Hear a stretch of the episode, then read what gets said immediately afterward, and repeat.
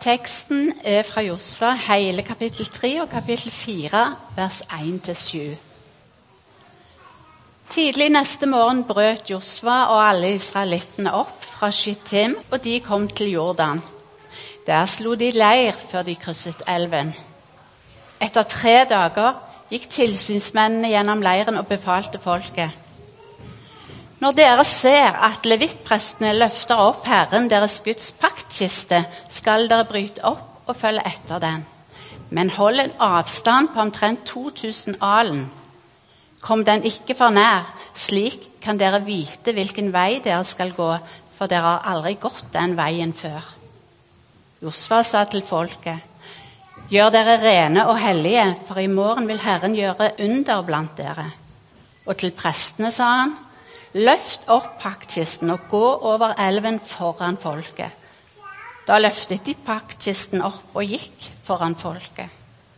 Herren sa til Josfa, fra i dag av vil jeg gjøre deg stor i hele Israels øyne, så de forstår at jeg er med deg, slik jeg var med Moses.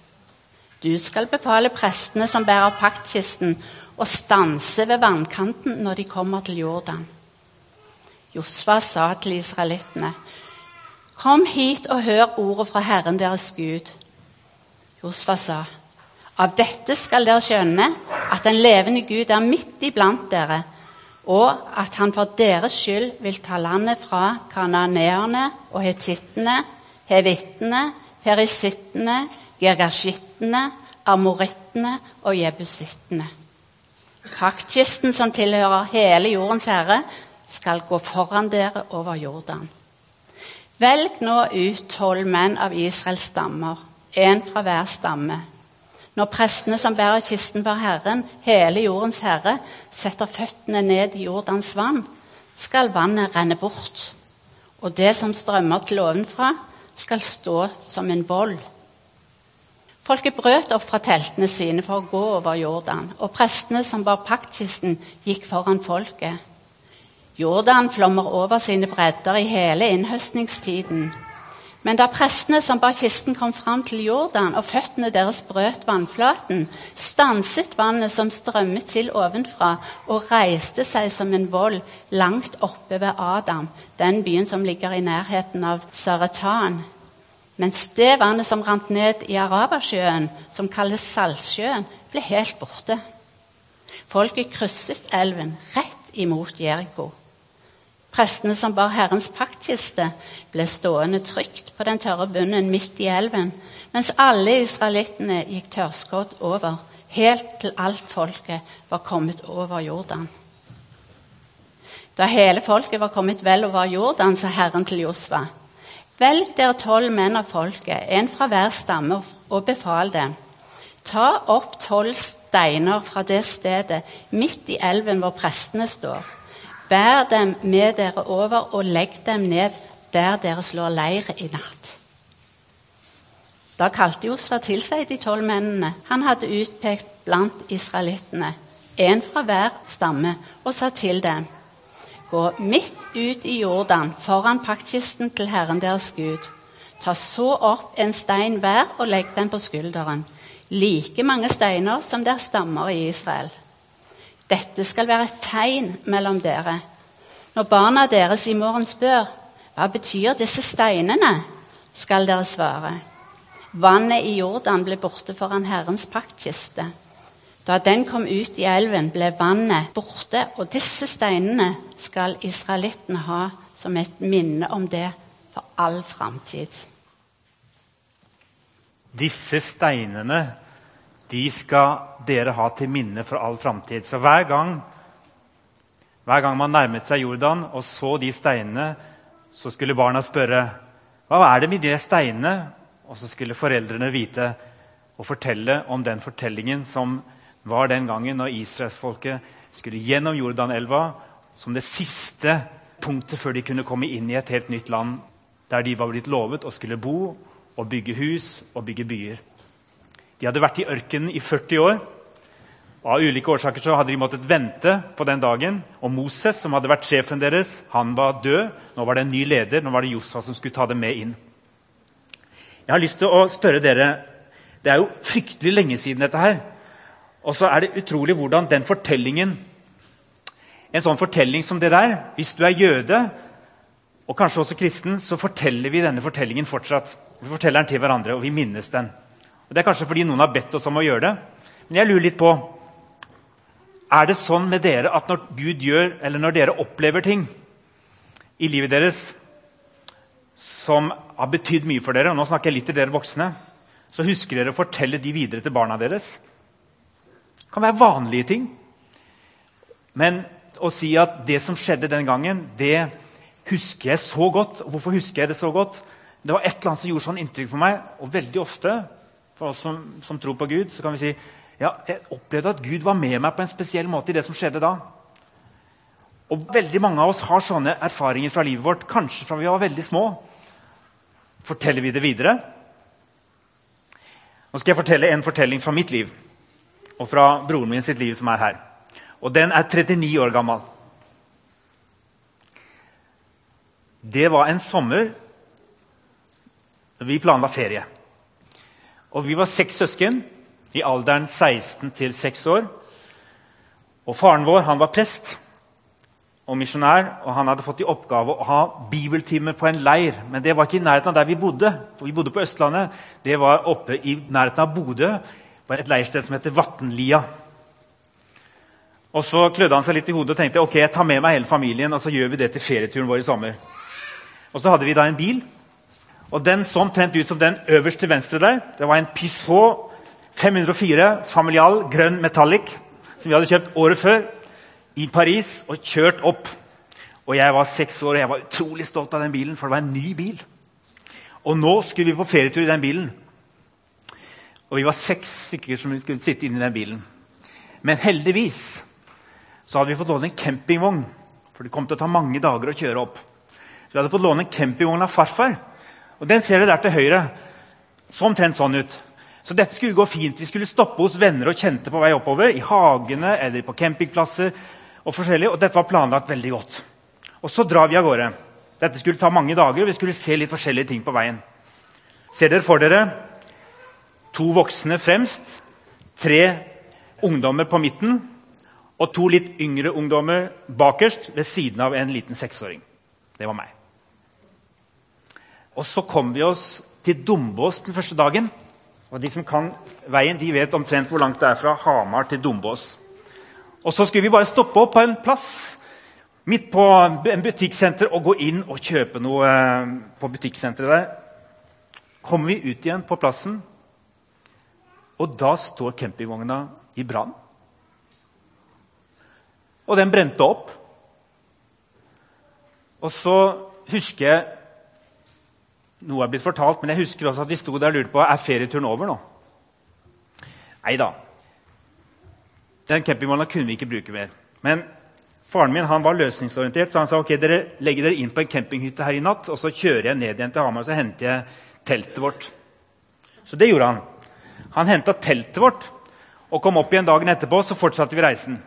Så det eneste som var forandra, det var det at vi skulle ligge i telt på den turen istedenfor i campingvogn. Det gikk jo ganske bra, det. Gjorde ikke det, Bård? Vi klarte oss ganske bra. Det verste var egentlig noen av de timene inne i bilen. Og Faren vår han, han var flink, at, og moren vår òg. Av og til så måtte de si at nei, nå, nå går ikke dette her lenger. Nå blir det for mye lukt. Da stoppet han opp og sa at spesielt de to brødrene mine de måtte ut av bilen og gå en stund alene og lot dem lure på om han kom tilbake. Så kjørte han videre en stund, og så snudde han og kom tilbake og sa at nå det, får det være med videre likevel. da. Det er ikke så greit alltid å være på ferietur med hele familien, spesielt ikke når man er seks stykker. Jeg husker alle de detaljene der. Jeg var seks år, og en natt så kom vi til en familie som Og det regnet så veldig, så vi skulle bo i hagen deres. Det var noen, for Misjonærer har mange venner opp gjennom hele Norges land. Så det var bare å ringe folk og si kan vi bo i hagen deres. Så det var greit, Men den dagen regna det, så da måtte vi inn i låven. Så da slo vi opp teltet inne i låven og hoppa i høy. og Jeg husker enda at jeg lekte med søstera mi på fem år eldre. og Vi hadde en sånn spesiell lek vi hadde der inne på, i det høyet. Og så kom vi omsider opp til, til leirstedet Vatnlia. Etter å besøkt, sett Polarkirken og litt sånn, og så var vi på leir. Og Der var vi i kano. Og jeg husker to ting fra den leiren som er kjempeviktig helt til i dag. Det ene var det at jeg var med i en kano for aller første gang. Og så reiser faren min seg opp mens vi er ute i kanoen. Det er ikke lurt, folkens. Så vi gikk rundt, og jeg var nede i vannet. og jeg er sikker på Det var sikkert et halvt minutt, men de har sagt at det var bare tre sekunder. Jeg var under vannet helt til faren min dro meg opp igjen, og jeg var redda. Jeg husker det veldig godt at det var skummelt, men han redda meg. Og Så husker jeg en ting til, og det var at jeg lærte å knytte skolissene mine på den ferieturen der på Vatnlia. Jeg husker akkurat hvor jeg var når jeg første gang kunne de hadde vist meg hvordan jeg skulle gjøre det, og jeg fikk det til. Og jeg kunne vise jeg fikk det til! Hvis du er omtrent seks år og ikke har lært å knytte skolissen ennå, i sommer kan det være du lærer det. Ok? Og så husker du det kanskje etterpå. Handler dette her noe om eh, den fortellingen om de som gikk gjennom Jordan og, og Bibelen? og sånne ting? Ja, jeg tror det gjør det. For jeg opplever når jeg tenker tilbake på den ferieturen der, så tenker jeg at Gud var med oss hele veien. Og Det var litt annerledes enn det som var i hverdagen. og det er det ofte i ferien. Vi gjør ofte ting som er litt annerledes. Og når vi er på reise i lag, så krangler vi litt, og så skjer det uventa ting. Jeg håper ikke noen av dere opplever en så alvorlig ting, for det var ganske alvorlig det med den brannen. Altså. Det kunne ha gått skikkelig gærent. Men vi kjente etterpå at vi var glade og takknemlige for at det ikke hadde skjedd om natten. hadde skjedd om dagen, At det var ingen som ble skada eller døde. Og at det egentlig bare var en ting som var blitt borte for oss. Og så kunne vi folde hendene våre og takke Gud for det. tross alt. Og så måtte vi finne en løsning. Og Av og til så skjer det uventa ting når vi er på ferie, og så må vi finne løsninger sammen med mamma og pappa. Og det gjorde vi. Og så lærer vi nye ting fordi vi har litt god tid sammen med mamma og pappa, og spør dem om de kan lære dere noe nytt i sommer. Og kanskje også dere får lov til å være med på en leir og høre mer om, eh, om hva Gud har gjort for oss.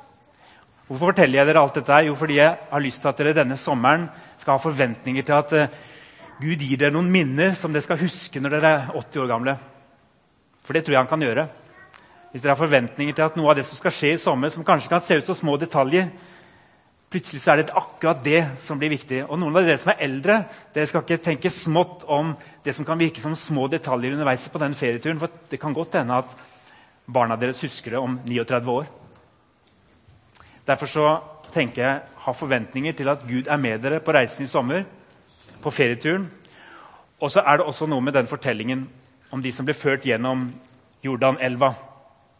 De skulle ta vare på minnene fra det helt spesielle øyeblikket da Gud gjorde et under og lot vannet gå til side enda en gang. Han hadde gjort det 40 år før med Rødehavet, og nå gjorde han det igjen i Jordanelva som et nytt tegn på at nå, nå skal jeg beskytte dere og ta dere med inn i det landet. Det glemte de aldri. Og dere ser Janet hun har laget et eh, bilde her framme. Bildet har ikke hun malt, men hun har gjort det så fint med disse blomstene på hver side. og Det er de tolv stammene som eh, symboliserer Israels folk, som skulle gå gjennom denne elva. Og Dere ser på en måte elva med sjøen på siden og det som ble tørt land som de kunne gå gjennom. Ei elv som eh, i dag er nesten tørka inn, og som på en måte bare er et vagt minne fra israelsfolkets historie. Men når de ser den, så vet de at Gud var der i fortiden. Og så, tusen år etterpå, så går det en mann ned til den samme elva. og Han heter Johannes døperen. Og Han feirer vi egentlig hver gang det er sankthans, som vi hadde i går. Og Han bruker den samme elva og så sier han, Gud han har ikke glemt oss. Nå skjer det nye ting. Forbered dere, for nå kommer Jesus. Det gjorde han ved Jordanelva. Etter at han har vært i ørkenen ganske lenge og bedt og lyttet til hva Gud skulle gjøre i hans liv. Og så kom Jesus. Og så er det sånn også at Jordanelva for oss det er et minne om at Jesus kom, at han ble døpt der i Jordanelva for å tjene oss, ikke bare israelsfolket, men alle mennesker på jorda, frelse oss og føre oss gjennom vår Jordanelv, som er på en måte det siste stoppestedet vårt, døden, før vi skal inn i det lovede land. Og vårt lovede land er himmelen. Om ett år så skal vi ha gudstjeneste igjen her. Før sommeren. Da har jeg en utfordring til oss om å drømme stort om hva vi kan dele av eh, minner om ett år. Ikke bare etter denne sommeren, men om ett år. For jeg drømmer om at i løpet av det neste året så skal den første setninga i visjonen vår oppfylles. Sånn som den gjør fra tid til annen hele veien, men jeg har forventning om at dette neste året skal den første setninga virkelig innfris og oppfylles. Det er Gud som må gjøre det, men vi skal legge til rette for, for det. Og Den første setninga i visjonen vår det er at nye mennesker skal komme til tro på Jesus og bli ført inn. Sette punktum der i dag. Og om ett år så skal vi fortelle at vi har fått noen levende steiner med oss. Noen vi kjenner. Kanskje en ny familie, kanskje noen foreldre, kanskje noen barn. Som vi sier, De er levende steiner som vi skal ha med oss over Jordanelva og inn i det lovede land. Det er mennesker som ikke i dag er med i menigheten vår, som kanskje ikke engang kjenner Jesus. Men det neste året skal de bli kjent med Jesus, og vi skal ta dem med oss som levende steiner. Ikke bare fortidsminner, men som levende steiner som skal være med oss helt inn helt hjem. Det er min drøm og min bønn for det neste året. At nye mennesker skal komme til tro på Jesus og bli ført inn sammen med oss. Kjære Jesus, nå ber jeg om at du velsigner ferien vår og reisen vår eller opplevelsene vi skal ha sammen, alene eller i familie eller med besteforeldre eller tanter og onkler. Jeg ber om at eh, vanlige opplevelser som det å være på en telttur eller reise med fly eller kjøre bil, at du kan gjøre det til noe spesielt. Et minne som vi tar med oss for livet, og som vi skriver ned i minnebøkene våre, og som vi forteller til barna våre. Om at du var med oss og beskytta oss, viste oss omsorg, også på de dagene da det gikk litt skeis.